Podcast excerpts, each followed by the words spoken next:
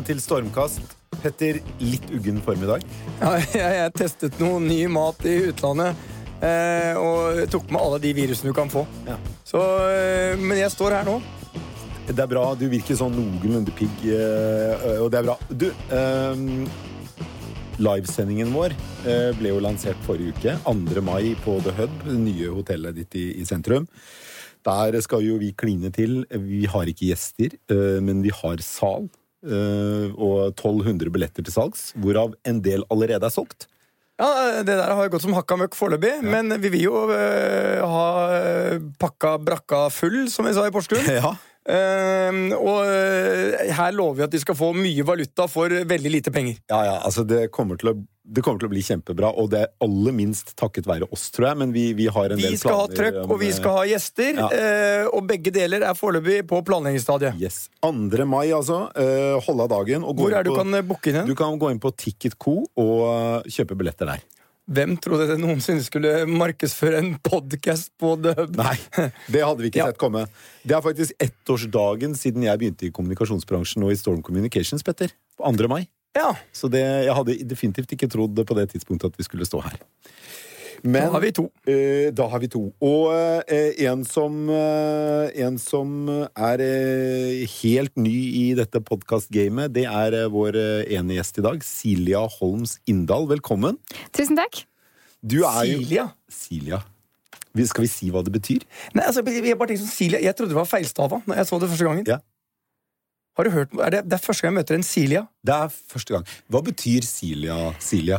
Nei, altså, dette her er jo et navn min far tok med seg fra utlandet når han reiste til sjøs. Som egentlig staves C-E-L-I-A. Kom til Norge, tenkte jeg, da høres det ut som Celia. Jeg må bytte den en med en i. Eh, slo det ikke opp i leksikon. Det betyr da flimmerhår i nesen. Flimmerhår i nesen, ja. Som er disse irriterende hårene som menn bør sørge for å få fjerna når de blir eh, litt oppi åra. Eh, velkommen. Skal vi gå til et annet tema? Ja, skal vi det?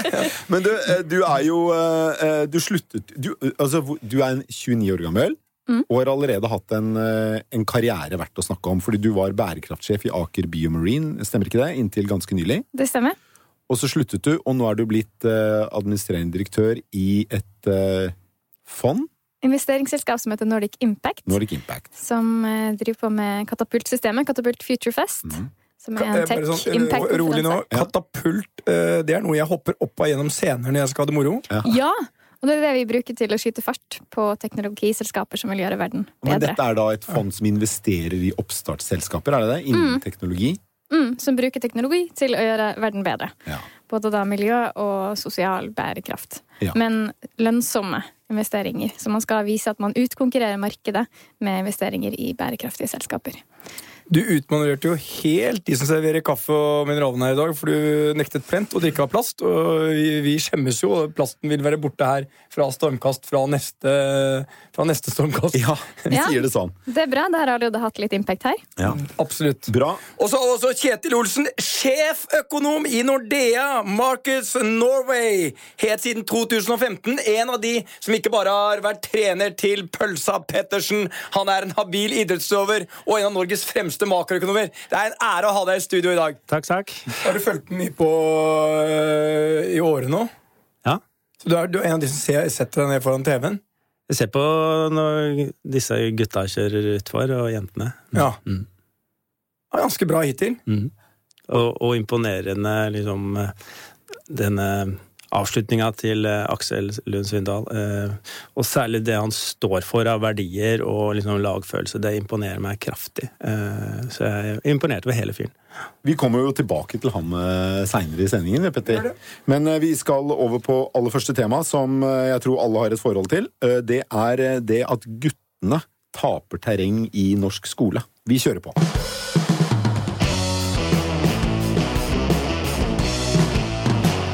Forrige uke la Camilla Stoltenberg frem Hun ledet et utvalg, eh, og hun la da frem utredningen Nye sjanser, bedre læring. Målet med den, eh, den rapporten det var å finne ut av hvordan eh, eller hvorfor gutter faller bak jenter i skolen, og hva som skal til for å rette på det. Det var utgangspunktet. Eh, Hun leverte da rapporten til kunnskapsminister Jan Tore Sanner i forrige uke, og det var jo en del debatt om, om dette forrige uke, Petter. Eh, grunnen til at vi velger å ta det opp eh, nå, det er at eh, vi snublet over en utrolig velskrevet, interessant og, etter min mening klok kronikk i Stavanger Aftenblad. Skrevet av debattredaktør Solveig Sandelsson i avisen. Hvor hun var ganske kritisk til en del av utvalgets kommentarer, og, og mente at det ikke nødvendigvis var sånn at karakterjaget, eh, eller hva slags ord og uttrykk hun brukte på det, eh, var forklart med at gutter sto bak jenter, men at det kanskje var noe gærent med skolen. Eh, dette er interessant. Absolutt. Jeg har jo vært innom dette flere ganger. Vi har det. Jeg tror det er mer gærent med skolen enn det er med barna våre. Og jeg er jo en av de som mener at jeg er lei av å høre om tentaner og karakterer og PISA-tester og bekymringer fra faen meg de går i første klasse. Men jeg kom over interessant det er timeplanen for første trinn. Og når jeg så den, så tenkte jeg er ikke noe rart at jeg dumpa i første. For de av dere som ikke vet hva dumping er, da, det er at du går første klasse to ganger. Jeg hadde ikke katapulten til Silja inne, så jeg dro, jeg dro i gang litt forsiktig. Eh, og så fant de ut da, og det ble sagt, at uh, Petter er ikke helt moden. Jeg var tidlig ute på vegne av gutta.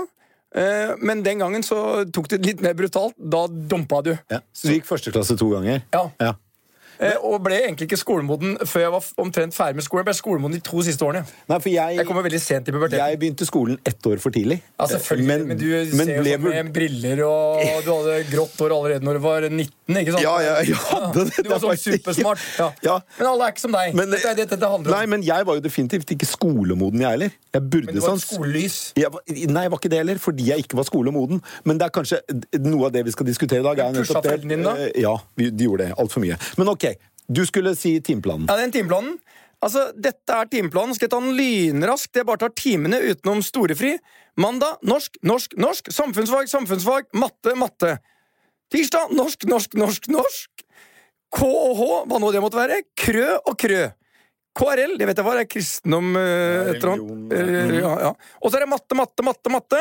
Engelsk, engelsk. Musikk, musikk. Det var dårlig blokkfløyte hos meg. Og så er det torsdag. Norsk, norsk, norsk, norsk, norsk. Naturfag, naturfag. Fredag, gladdagen, matte, matte, matte, matte, norsk, KH, KRL-E, KRL-E. Altså, dette greiene her, da tenker jeg Hvor er eh, Altså, tror vi at dette kommer til å utvikle våre barn til å bli bra unger? Altså, dette handler om én ting. Det handler om karakterer, og ikke utvikle til å ha bra karakter. Barn må leke, barn må feile. Det er for lite norgespassfaktor. Altså, så så jeg på en annen som handla om hvor mye fysisk aktivitet de hadde. Altså, de, er, de, sitter jo stille. Ja. Er et, vi er i ferd med et barn av stillesitting. Men jeg ser ikke Hva er gymmen her på den uh, listen din? Jeg ser ikke noe gym, jeg. Er det krød, ja? Hva, hva kroppsøving. Kroppsøving, selvfølgelig. Så det er, det er, Du har to timer uh, kroppsøving på tirsdager, and that's it. Det var hele Ja, det er to halvtimer, ja. ja. ja. Uh, det er jo et ganske intenst uh, opplegg, og det for Første trinn. Tveita. Dette er for skole. seksåringer, det du beskrev der. Ok, Er dette en skole som gir oss de beste ungene, Silja? Altså, jeg tror ikke problemet er at skolesystemet ikke er tilpasset guttene. Jeg tror at det ikke er tilpasset mennesker. Altså det at vi ser på barna hva de trenger, og det at vi har et mål for hva vi har lyst til å oppnå med barna. Altså, en lærer i dag får jo et, et, måte, et, pensum som de skal lære bort, og det er målet deres. Hvorvidt mottakeren får inn det pensumet, ikke om mottaker blir et godt menneske. Mm. Hvis læreren hadde gått på skolen for å danne gode mennesker, så ville de jo latt barna bevege seg. Sånn at de ikke hadde blitt sittet inne og blitt Altså, jeg har jo utrolig mange venner som var frustrerte store deler av utdanningen sin, fordi de følte at det passet ikke til det. Nei, jeg husker selv, da jeg, var, da jeg, var, jeg var jo seks år da jeg begynte på skolen. Den gang var det Man skulle begynne på skolen da man var syv. Jeg var seks. Og jeg husker jo hvor uutholdelig det var å sitte stille i time etter time etter time og lese høyt for læreren eller gå opp på tavla og skrive et eller annet. Det var jo ikke en skole rigget for læring. I hvert fall var det ikke det for meg. Eh, men, men er det noe alternativ til dette, da? Kan man eh, altså, De må jo lære seg norsk, de må jo lære seg matte. Det har jo begynt å komme sånne baseskoler. Det er riktignok veldig få av de fortsatt, men hvor eh, elevene da sitter i ulike baser, og så flytter de seg rundt og får holde på med forskjellige eh, aktiviteter, så du slipper å ha tre-fire timer med matte etter hverandre. Og det tror jeg også er mer for å, klare, å lære barn å holde konsentrasjon, eller å gi de kortere snutter med fokusert aktivitet, og så frihet imellom. Og jeg tror det er i mye større grad dit skolen må bevege seg, hvis vi skal lage et uh, samfunn hvor uh, ja, barna i dag har lyst til å lære. Men bare én ting. Kjetil, du er makroøkonom, og du er vel enig her at det, det som ikke kan telles, det teller ikke. Altså, hva tenker du om liksom det du kaller liksom mål, øh, målhysteri i skolen? Uh, var nei, du for øvrig en, et lysende talent? Uh, det er mulig jeg hadde talent, men jeg var ikke spesielt interessert i skolen. Jeg ble først egentlig ordentlig interessert når jeg kom på universitetet. Det var da jeg begynte å legge inn litt innsats, for da det, fant jeg noe som jeg på en måte brant for. Um, så det handler liksom om hva slags interesser som du Du må være interessert i noe, for, mens her blir man trykt inn at du skal, skal lære. Ja. Um, nei, jeg bare ser med Jeg, jeg, jeg misunner ikke dagens ungdom som vokser opp med det karakterpresset som er, og, og det jaget. Jeg har jo nettopp hatt en uh, sønn som er ferdig, eller som har begynt på universitetet, og liksom det det karakterpresset for å komme først inn på den riktige videregående skolen, for det er jo viktig for å få gode nok karakterer for å komme inn på de riktige studiene. Eh, altså, eh, det der var jo for oss, i hvert fall, som vokste opp for en god stund siden, litt sånn fjernt. Altså, vi gikk ungdomsskolen, og det ja, du, ram, du ramla gjennom. Det var ikke så veldig farlig. Eh, så jeg tror mye har Ikke bare er dette en utvikling antageligvis hvor gutter har falt etter lenge, eh, men, men, det er en utvikling i retning av liksom stadig mer fokus på um, måling og karakterer. og ganske enig med, med Sidemann her at du, er det tilpassa liksom det å, å, lage gode mennesker? Det er vel hele spørsmålet. Og så skal du tilpasse skolen Nei, skal du tilpasse unga til skolen, eller det motsatte? Eh, og det er vel kanskje en he Hele premisset i den rapporten er jo at en høy karakter er bedre enn en lav karakter. Eh, og det er jo bedre om barna våre kan stave riktig enn ikke. Eh, men hvordan kan, eh, hvordan kan man eh, nå det målet uten å kunne følge med på hvordan ungene gjør det? Måle prestasjonene deres, gi dem karakterer. Jeg tror ikke nødvendigvis man er uenig om at dette skal måles på en eller annen måte, men man er veldig uenig om veien til denne målingen. da. Og det de foreslår her i den rapporten, er jo at man skal ha masse De har jo gått seg helt vill på big data. Vi skal måle alle unge på tvers i alle samfunn og i alle aldre. Så vi klarer å forklare senere en persons liv hvorvidt noe fungerte på barneskolen. Da har du ikke forstått komplekse systemer i det hele tatt. For det handler jo om alle de faktorene som er med å spille inn i hvorfor noen ender opp der de ender opp. ikke sant? Så det handler jo ikke om eh, at man er uenig om at man skal måle hvorvidt barna lærer, men det er jo ikke det man egentlig måler i dag. Man måler jo en del sånne firkantede liksom, kapasitetsmål eller eh, pensummål for hva de skal ha kunne oppgulpe igjen, ikke evnene de skal kunne. Vi snakker jo veldig mye om at fremtidens skole så skal man lære seg kritisk tenkning. Hvordan måler du kritisk tenkning? Vi skal, vi, skal, snakke mer om skillsettet barna våre trenger for å innovere og lage nye arbeidsplasser, ikke læringsmåler som du kan google deg til på internett. Ikke sant? Fordi eh, du behøver jo ikke nødvendigvis huske så veldig mye nå. Du må vite hvordan du skal finne den informasjonen på kort tid, og, og anvende den praktisk. Det det er jo en, en, helt ekstremt viktig ferdighet i, i, dagens arbeidsliv, i hvert fall. Mye ja. viktigere enn at du husker når Karl Johan døde. Og når elevene vil bruke internett som kilde, så får de pushback fra lærerne, fordi de vil veldig gjerne kunne beholde, altså forholde seg til læreboka og gå tilbake og sjekke om svaret er riktig eller feil. Ikke gi studenten eller eleven muligheten til å søke opp og vurdere hvilke kilder som er riktige for å gi svar på oppgaven. Så det er jo en litt sånn En ting er at man sier at ja, rapporten er snever i hva man sier kan eh, si noe om det skolesystemet er riktig eller galt for guttene. Men det ene tunge er jo hvordan vi tenker rundt skole i dag, og vi har bokset det inn når de egentlig må lære seg å åpne boksen og forstå verden. Men er, er, ikke det ganske interessant, egentlig? Fordi du nevner jo big data, og, og i denne rapporten så, så, snakkes det jo nettopp om verdien det ville hatt eh, for forståelsen av hvorfor gutter faller etter, å kunne følge barn fra de er i barnehagen, og hele veien gjennom utdanningssystemet og ut i arbeidslivet. Og kunne følge hvert enkelt barn og pinpointe for hvert barn hva var det som gikk galt. Men hvis utgangspunktet er som galest, blir resultatet titt originalest. Ja, liksom, den, hva, er, jeg, er så lei av sånne målinger som skal følge noen gjennom hele livet, og så om 40 år da, så finner vi ut at det, nei, Det var ikke kidsa det var noe gærent med, det var hele jævla systemet vi hadde. Ja, Så vi målte på feil ting. Ja, men Er ikke det interessant, da? Hvis, det, hvis du da har et samfunn som blir mer og mer opptatt av big data, forstå tall, forstå, liksom kunne analysere alle sammenhenger, og vi har nå datakraften til å gjøre det. Og samtidig så er det, eh, i hvert fall oppfatter jeg ganske stor enighet i rommet her om at kanskje når det gjelder utdanningen av ungene våre, fra de er ganske små, bør være den rake motsetningen til det eh, som systemet der man kan måle alt og telle alt. Det kanskje bør være litt mer anarkisk da, anarkistisk. Litt mer la dem holde på. Men Kjetil, hvis du hadde vært skolesjef skolesjef eh, Nå er sønnen din eh, begynt på universitetet. Hva hadde du endra på? Hvordan du, liksom, du, du sitter i dag og ser på det samfunnet vi er på full fart inn i, og du er en del av det. Hva vil du endra på? Nei, altså, Hvordan skal vi få For faktum er Gutta er mindre modne enn jentene. I 2040 er det 60% jenter med høye, nei, 60% gutter med høyere utdannelse og 90% jenter. Jentene tar over, gutta faller utenfor. Hva skal vi gjøre? Det er problemet. Det er analysen. Her kommer makroøkonomen, som gir oss svaret på dette enkle spørsmålet. Hva skal vi gjøre? Jeg, jeg, altså, jeg er ikke så opptatt av den forskjellen mellom gutter og jenter. i forhold til, Jeg er mer opptatt av det å prøve å få alle igjennom en, eh, altså, få en god skoleopplevelse. Og det å få en utdanning, en, en type at du lærer å lære. For jeg tror det er det som er helt avgjørende for det samfunnet vi går inn i nå. Eh, Du leste opp denne timeplanen. Ok, det var første klasse, men jeg, jeg, jeg savner på en måte spor av den verden vi går inn i. Altså den digitale verden, den teknologiske verden, den kreative verden.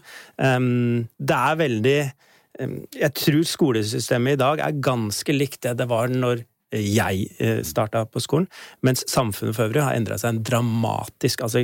Bare måten det å kunne skaffe seg kunnskap på nå er jo helt formidabel i forhold til tidligere. Um, Det er mulig skolen gjør Altså, timeplanen din viser antageligvis ikke hele innholdet, men eh, jeg Men det kunne, det kunne ikke vel vært min timeplan for øh, 55 år siden. Ja, nettopp. Det Det er var- det som er problemet. mitt- Den her kunne jeg lest opp fra Øssia barneskole når jeg dumpa. Ja. Og det, det er mitt poeng, på en måte. Og, og det er jo, sant? Gutter og jenter er forskjellige. Gutter er gutter, jenter er jenter. Eh, Det er vel ganske klart at eh, altså, flere jenter eh, egner seg mot språklige aktiviteter, som det heter, altså når man er liten, eh, mens gutter i større grad er eh, opptatt av mer, da det heter på fint, romlige aktiviteter. Så kan du kjenne deg igjen eh, er aktiviteter? Litt sånn opp i trærne og ut, av, Ah. ja, ut i buskene. Så, så det var jo rimelig mye norsk da, på den der timeplanen. Eh, Så du, du har jo skua det mot den, den liksom grenen som er som, ja, opptatt av det mer språklige, og syns det er ålreit å sitte litt rolig og, og, og Være konsentrert over Ja. lengre tid. ja.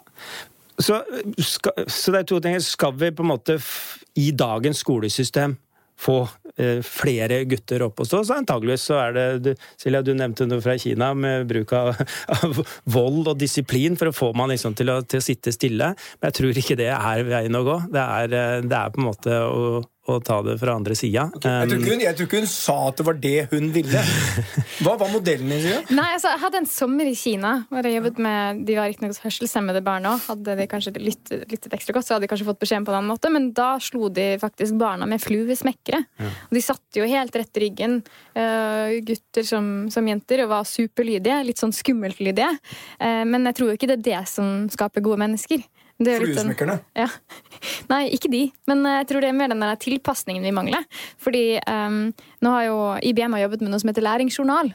At de fleste må, altså, måtene vi lærer på, setter seg ganske tidlig. Helt ned i fireårsalderen vet vi egentlig hvordan et barn lærer best.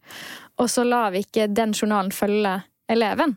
Hver gang du begynner i en ny klasse med en ny lærer eller på en ny skole, så skal du liksom i Norge få en ny sjanse. Så hvis du har vært problembarn eller hatt læringsvansker, så skal du få lov til å fortsette å få nye sjanser til å teste ut det.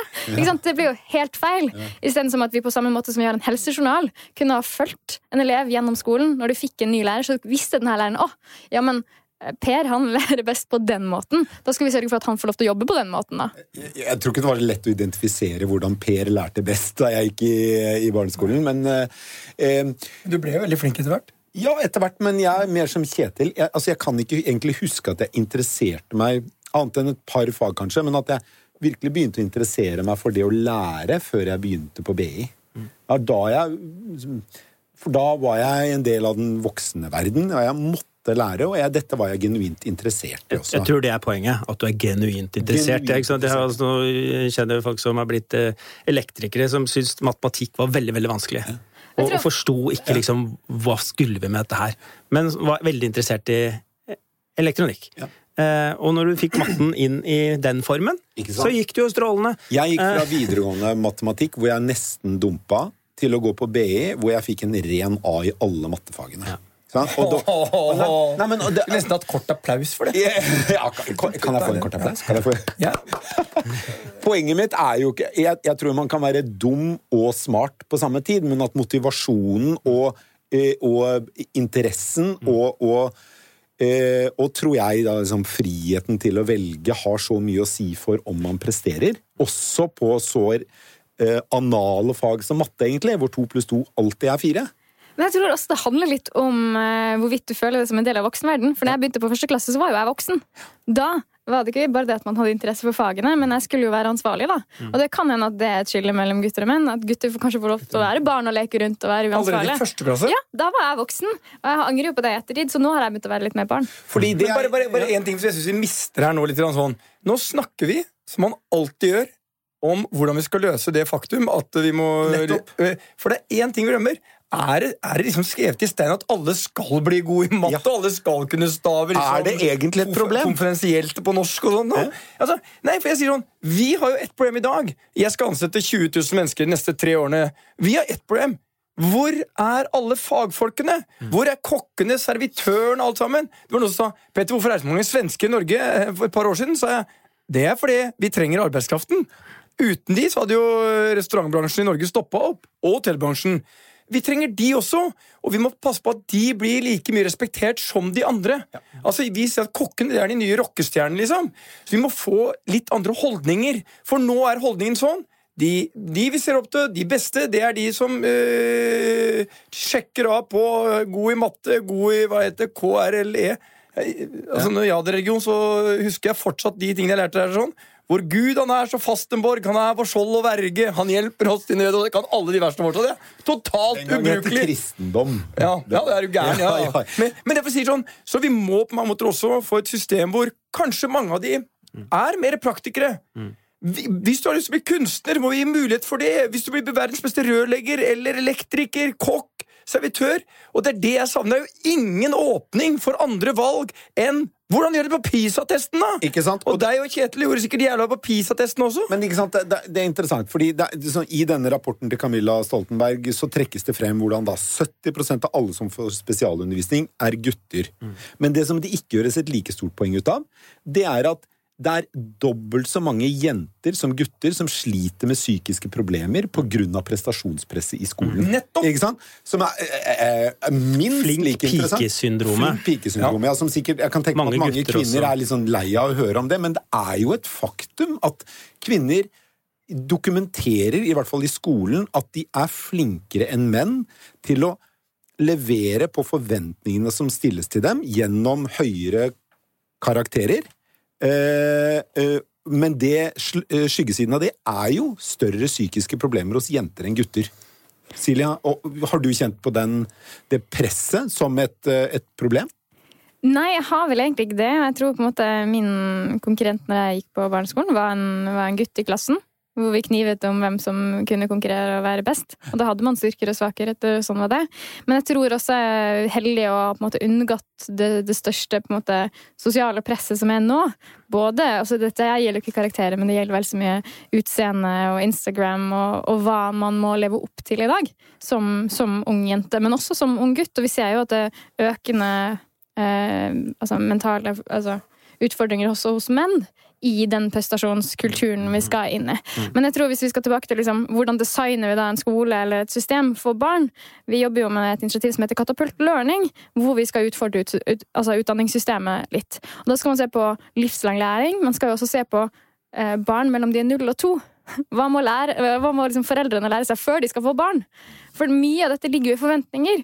Når Petter er inne på ja, kokkene skal bli de nye stjernene, men da må foreldrene også synes at kokker er stjerner. Da må ikke barn komme hjem med karakterer og foreldre som sier nei, men dette her er viktig for at du skal ha en framtid. Nettopp. Fordi vi gjerne ting, Jeg tror ofte så ender foreldre opp med å realisere ting gjennom barna sine de selv ikke fikk til. Og du ser det kanskje spesielt altså, Jeg ser øh, Når jeg, mine barn var små, så så jeg at øh, man begynte jo å forberede barna på hva de skulle lære i første klasse, før de hadde begynt i første klasse. Og jeg prøvde å si øh, til de rundt meg Men hva er poenget med å gå i første klasse da? Hvis de liksom, nei, de må de kunne gjøre sånn.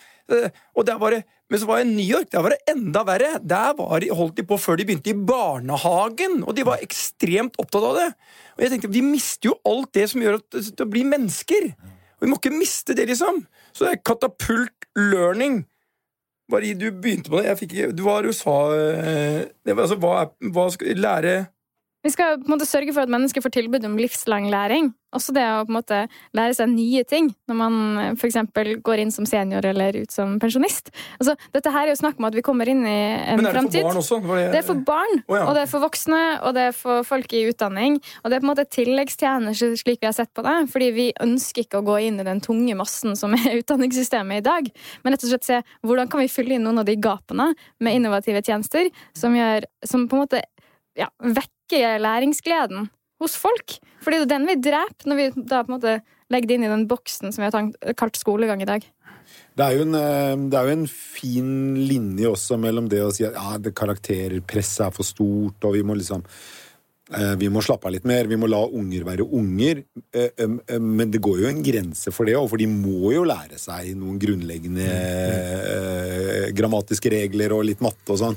Så det er jo Hvor setter man Altså eh, Dette handler jo også om liksom hvor eh, I denne rapporten, NOU-rapporten, eh, viktigheten av tidlig innsats. Særlig for de gruppene som kommer fra sosioøkonomiske, liksom mer problemfylte bakgrunner. Um, at vi da har kontantstøtte som holder mange unna en barnehage. Hvor, hvor uh, og, og, altså det er ikke skole, men du lærer å sosialisere deg og, og, være menneske på en måte på en helt annen måte. Det er ganske utrolig, syns jeg, at vi fortsatt eh, holder på det. Så det er Petter, du snakka om liksom hvordan, hva skal vi gjøre for å eh, Dette Du må begynne tidlig, tror jeg, eh, og, og, og, og få inn gode verdier, lære unga til å bli sosiale og respektfulle rundt. Altså, det legger et godt grunnlag for å kunne fungere i en skolesituasjon eh, senere. Um, og da er barnehage viktig. Um, når det kommer til skolen eh, Vi må antageligvis ha inn eh, svært mye mer ressurser i skolesystemet. Vi har ikke råd som samfunn til at så mange faller utenfor, eh, sånn som det er i dag. Om det er gutter eller jenter. Eh, Så, så det- det- dette her er det viktigste liksom, eh, problemstillingen som samfunn står overfor på en måte, over tid. Og det, skole er kjempeviktig, men kanskje ikke nøyaktig akkurat den skolen vi har i, i dag. Men da trenger vi mer ressurser, tror jeg. For, for dette er interessant, som jeg tror kanskje få ikke får med seg. Jo flere som faller utenfor, jo større utfordring er det for hele vårt BNP. Eh, og du som makroøkonom, det er litt sånn et lands velstandsutvikling og det å bevare velstand handler mye om BNP-utvikling og Ja, og nå er menneskelig kapital på en måte det totalt Riktig. dominerende, mens det tidligere var liksom sånn at ja, økte forskjeller er bare bra, fordi da er det flere rike som sparer mye og kan investere mye i ny produksjonskapital, mens nå er det eh, oss, på en måte, som er kapitalen. Eh, Og den må utvikles og ta vare på eh, godt. Og det, det har eh, store effekter på et samfunn. Um, både i forhold til velstandsutvikling, produktivitet, men også i forhold til det mer det, demokratiske. Altså, vi har nå en del Og du ser jo det rundt forbi i verden nå. Altså, de stedene hvor ganske kraftige populistiske vinder blåser, der er inntektsulikhetene størst. Um, så, og det har vært opp gjennom historien også. Blir forskjellene for store, um, så får du til slutt uh, et demokratisk måte, opprør. Um, Men SSB tror jo at uh, vi, om 20 år at uh, nesten 90% av alle kvinner vil ha høyere utdanning, mens kun 60% av alle menn vil ha høyere utdanning. Så det er et enormt gap mellom menn og kvinner og utdanningsnivået deres om bare et par tiår. Hva slags samfunn er det? Altså, jeg, tror ikke, jeg tror ikke det der er helt kjernen av det. For det de skriver i den rapporten nå, er at hvis du se, følger med på guttene senere i livet, så har jo de fått seg jobber, de har tatt fagbrev, de har funnet andre måter til å faktisk på en måte ta igjen eh, jentene som hadde bedre karakterer i skolen, fordi kanskje de har vært med på, eller de har tatt en litt utradisjonell vei. Så de vil jo stå for mye altså produktivitet i samfunnet gjennom verdiskapning på, på sin måte, de. Så det, det, betyr ikke nødvendigvis at vi er noe verre ut for hvordan man ender opp senere. Men det jeg tror er problemet her, når det kommer til økende ulikheter og eh, det systemet vi har der, er jo det at vi vi har jo støtteordninger som gir til tellekanter. Det at du kan si eh, så mange falt ut av skolen, så mange fikk vi inn igjen. Istedenfor å gå inn med proaktive tiltak som forhindrer folk å falle ut. Mm. For du kan jo søke eh, hvem som helst om penger til å få folk inn igjen på skolen veldig mange sosiale entreprenører som gjør det, men det er veldig få som starter på andre siden og sier vi skal sørge for at ingen faller ut til å begynne med. Men eh, skolen er jo nødt til å bli mindre strigla. Hvis, hvis, eh, man i hvert fall ikke skal definere det som et stort samfunnsproblem at seks av ti menn har høyere utdanning, men ni av ti kvinner har det. For du kan jo ikke definere det som en egenverdi å ha høyere karakterer og, og videreutdanning eh, når 50 flere kvinner enn menn har det. Kan du det? Nei. Men utfordringen er ikke at vi får uh, flere jenter som uh, tar uh, stor plass og kommer seg fram. For sannheten er at i dag domineres næringslivet stort sett av menn i alle toppstillinger. Altså, ja. That's the fact. Uansett hvor mange som utdanner seg, og at kvinnene fortsatt i dag er i flertall på de fleste høyere utdanninger. Så der har vi mye å gå på. Det jeg er mer opptatt av, det er litt det Kjetil var innom der. Hva skal skolen inneholde? Hvor mye snakker vi om de utfordringene som faktisk du ser i dag uh, utspiller seg i store deler av Europa? Det handler om mangfold, integrering, forståelse, alle de tingene. Lærer vi barna våre å bli ordentlig barn? Eller lærer vi de bare å fokusere på hvor mye karakter skal til for å komme inn på ungdomsskolen, eller der kommer du kanskje automatisk inn, eller på, når du skal videre på uh, gymnaset, da må du kanskje ha karakterer. Ja. Um, så jeg, det er det jeg er opptatt av, for jeg tror nettopp det Kjetil har som poeng er sånn, det er blir det for store forskjeller, forstår vi ikke hverandre, så får du de der polariserende greiene som i dag kan være destabiliserende for hele det liksom, demokratiet vi kjenner. Ja, og, og for Norges del, altså Det som kjennetegner Norge særlig, og de nordeuropeiske landene, er en utrolig stor grad av tillit. Mm. Og jeg tror det er eh, helt avhengig av at vi er eh, nokså like i en viss forstand. Altså, altså, det er like muligheter, da. Um, og det er vel sånn at det skolesystemet som er i dag, kanskje oppfattes å ikke, ikke gi like muligheter til, til, alle. Fordi vi er så forskjellige. Mm. Og, også i henhold til, forhold til modenhet og, og, og bakgrunn. Um, og du så det, Vi snakker jo mye om eh, eh, at individuell tilpasning til eh, Alle skal få sin tilpasning, men én lærer på 30 unger, det er veldig veldig vanskelig. Ja. Så igjen, jeg tror det handler om at vi må satse mer på utdanning, eh, bredt definert, for unga våre. Og det, det, dette har vi ikke råd til å ikke gjøre. Jeg syns Johan Golden hadde et veldig godt poeng på Nytt på Nytt på fredag, fordi Pernille Sørensen sa åpenbart Hun mente det ikke, men sa hun hadde lest hele rapporten til Camilla Stoltenberg. Mm. Og så sa, spurte hun ja, har du, Johan? sa han nei, jeg behøver jo ikke det, for du fortalte meg hva den inneholder. Mm, mm. og det er jo litt forskjell mellom menn og kvinner i et nøtteskall, og jeg tror det er fort det som vil skje også når da dagens unger går ut av, uh, av skolen at eh, du har kanskje en uforholdsmessig stor andel kvinner med høyere utdanning eh, i forhold til menn, men over langen så jevner det seg ut, og kanskje menn er mer sånn Nei, men det behøver jo ikke det, fordi du fortalte meg det jo nettopp, så hvorfor skal jeg bruke tid på å gjøre det? Jeg kan heller bruke tid på å rappellere ned hotellvegger som Petter, eller gjøre et eller annet annet, da. Så, øh, så du sier det er gutter som er vinnerne her, for, nei, selv om de taper? Jeg, jeg, ja, men jeg tror at paradoksale Det paradokset i det er jo at det fremstilles som det er jentene og kvinnene som er vinnerne med dagens utdanningssystem, men jeg tror kanskje faren er at det er kvinnene som er tapere nok en gang. Mm. Fordi du har et utdanningssystem som legger så stor vekt på karakterer som jenter fra lav alder er flinkere til å tilpasse seg forventningene til. Og så står de der, uh, når de har da brukt all den kraften sin på å levere fantastiske resultater på skolen og blitt superstressa som et resultat av det, så står de der når de skal ut i arbeidslivet, og så finner de ut at men faen, mennene får jo de samme jobbene som før. Mm. Men de, gjorde, de, de, valgte bare en annen vei til Rom. Jævlig urimelig, det òg. Så kanskje du bare er med på å forlenge den ulikheten mellom kjønnene, som allerede er et stort problem i det norske, tross alt veldig likestilte samfunnet. Det var en tanke, i hvert fall. Jeg tror det er liksom helt riktig at eh, det skal være forskjellige veier inn i næringslivet. Og forskjellig formalkompetanse og en mangfold i utdanningsløp blant befolkningen vår, sånn at vi får et mangfold i næringslivet. Men jeg tror på en måte likevel da, så skal vi jo ha et utdanningssystem som gjør det mulig for begge kjønn å lykkes, og som er tilpasset uh, bredden av det, da, som du er inne på. Og det er der vi mangler. Vi er jo enige her om at vi må ha vi må ha noe annet enn det vi har i dag. Eh, det har jo ikke skjedd mye innovasjon i skolen og vi kan se på samme timeplan tilbake igjen. Når jeg gikk ut fra Hanseskolen i 2014, så skrev jeg fortsatt eksamen vår på papir. Så kom venninnen min skulle ta opp eksamen året etterpå. Satte seg ned på pulten, så kommer det da en eh, gammel sånn sensor og sier Ja, men hvor er, hvor er PC-en din? Ja, hun hadde ikke tatt med seg PC-en for å ta opp eksamen. Det hadde skjedd på ett år. Da skulle, du, da skulle du skrive eksamen på PC. Det som var skriftlig eksamen året før. ikke sant? Kunne hun ikke ta eksamen, for hun hadde ikke med seg PC. Ja. Og, det, og, det, skjer jo ting, men det skjer utrolig tregt. Og det skjer på liksom innenfor de samme rammene vi hadde før. Vi innoverer ikke i rammene, vi bare legger inn digitaliseringen i det vi har i dag. Det er jo der vi må tenke nytt. Men hvis, hvis vi hadde nå hatt den unike muligheten at stormkastmodellen skulle bli lansert, så eh, hva skulle man gjort i dag? Eh, hva, Silja, begynner med deg. Hva skulle man gjort? Vi begynner med blanke ark. Hva ville du gjort? Du, du, har alle ressurser i verden til rådighet. Du kan gjøre hva du vil. Hva er modellen din? Lek. Lek? Lek ja. mer? Lek mer. Elsker det, altså. Jo, men i begynnelsen, sånn at man forstår mer om hvordan barna interagerer med hverandre, og hvordan de lærer. Og så ser jeg hva er det som gjør at dette barnet får med seg ting.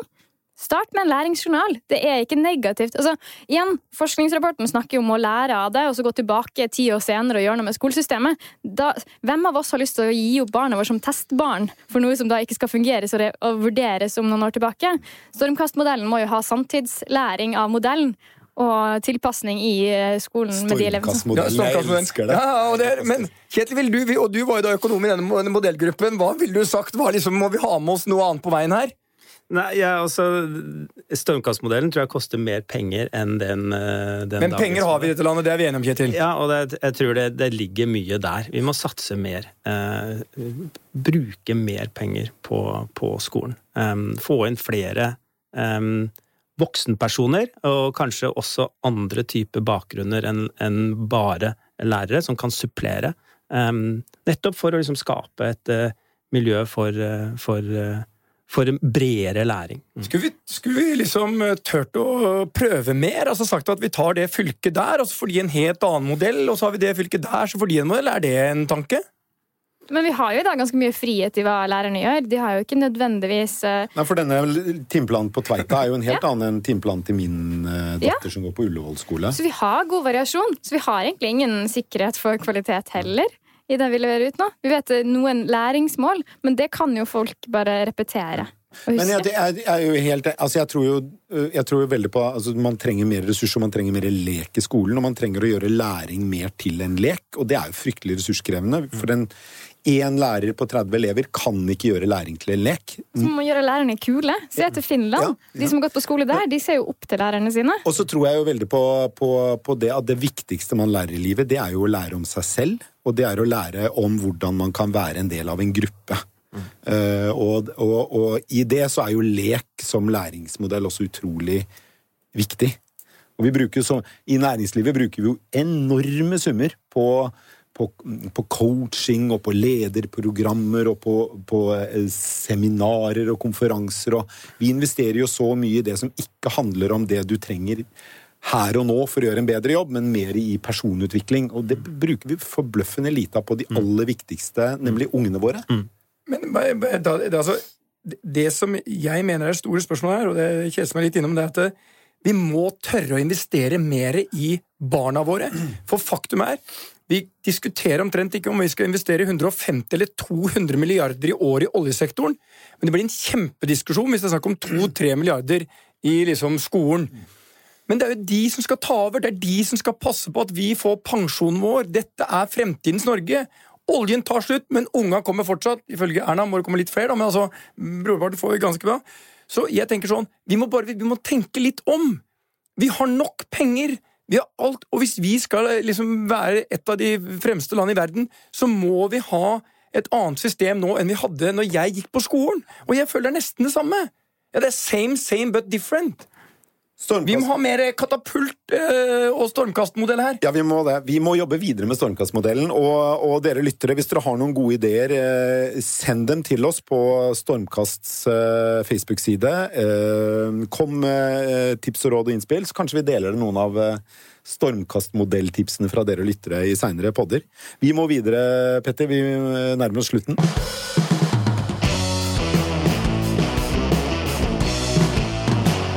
Denne helgen avsluttet Aksel Lund Svindal eh, karrieren sin tidenes fremste norske alpinist. Han runda med en sølv. Det er ganske imponerende.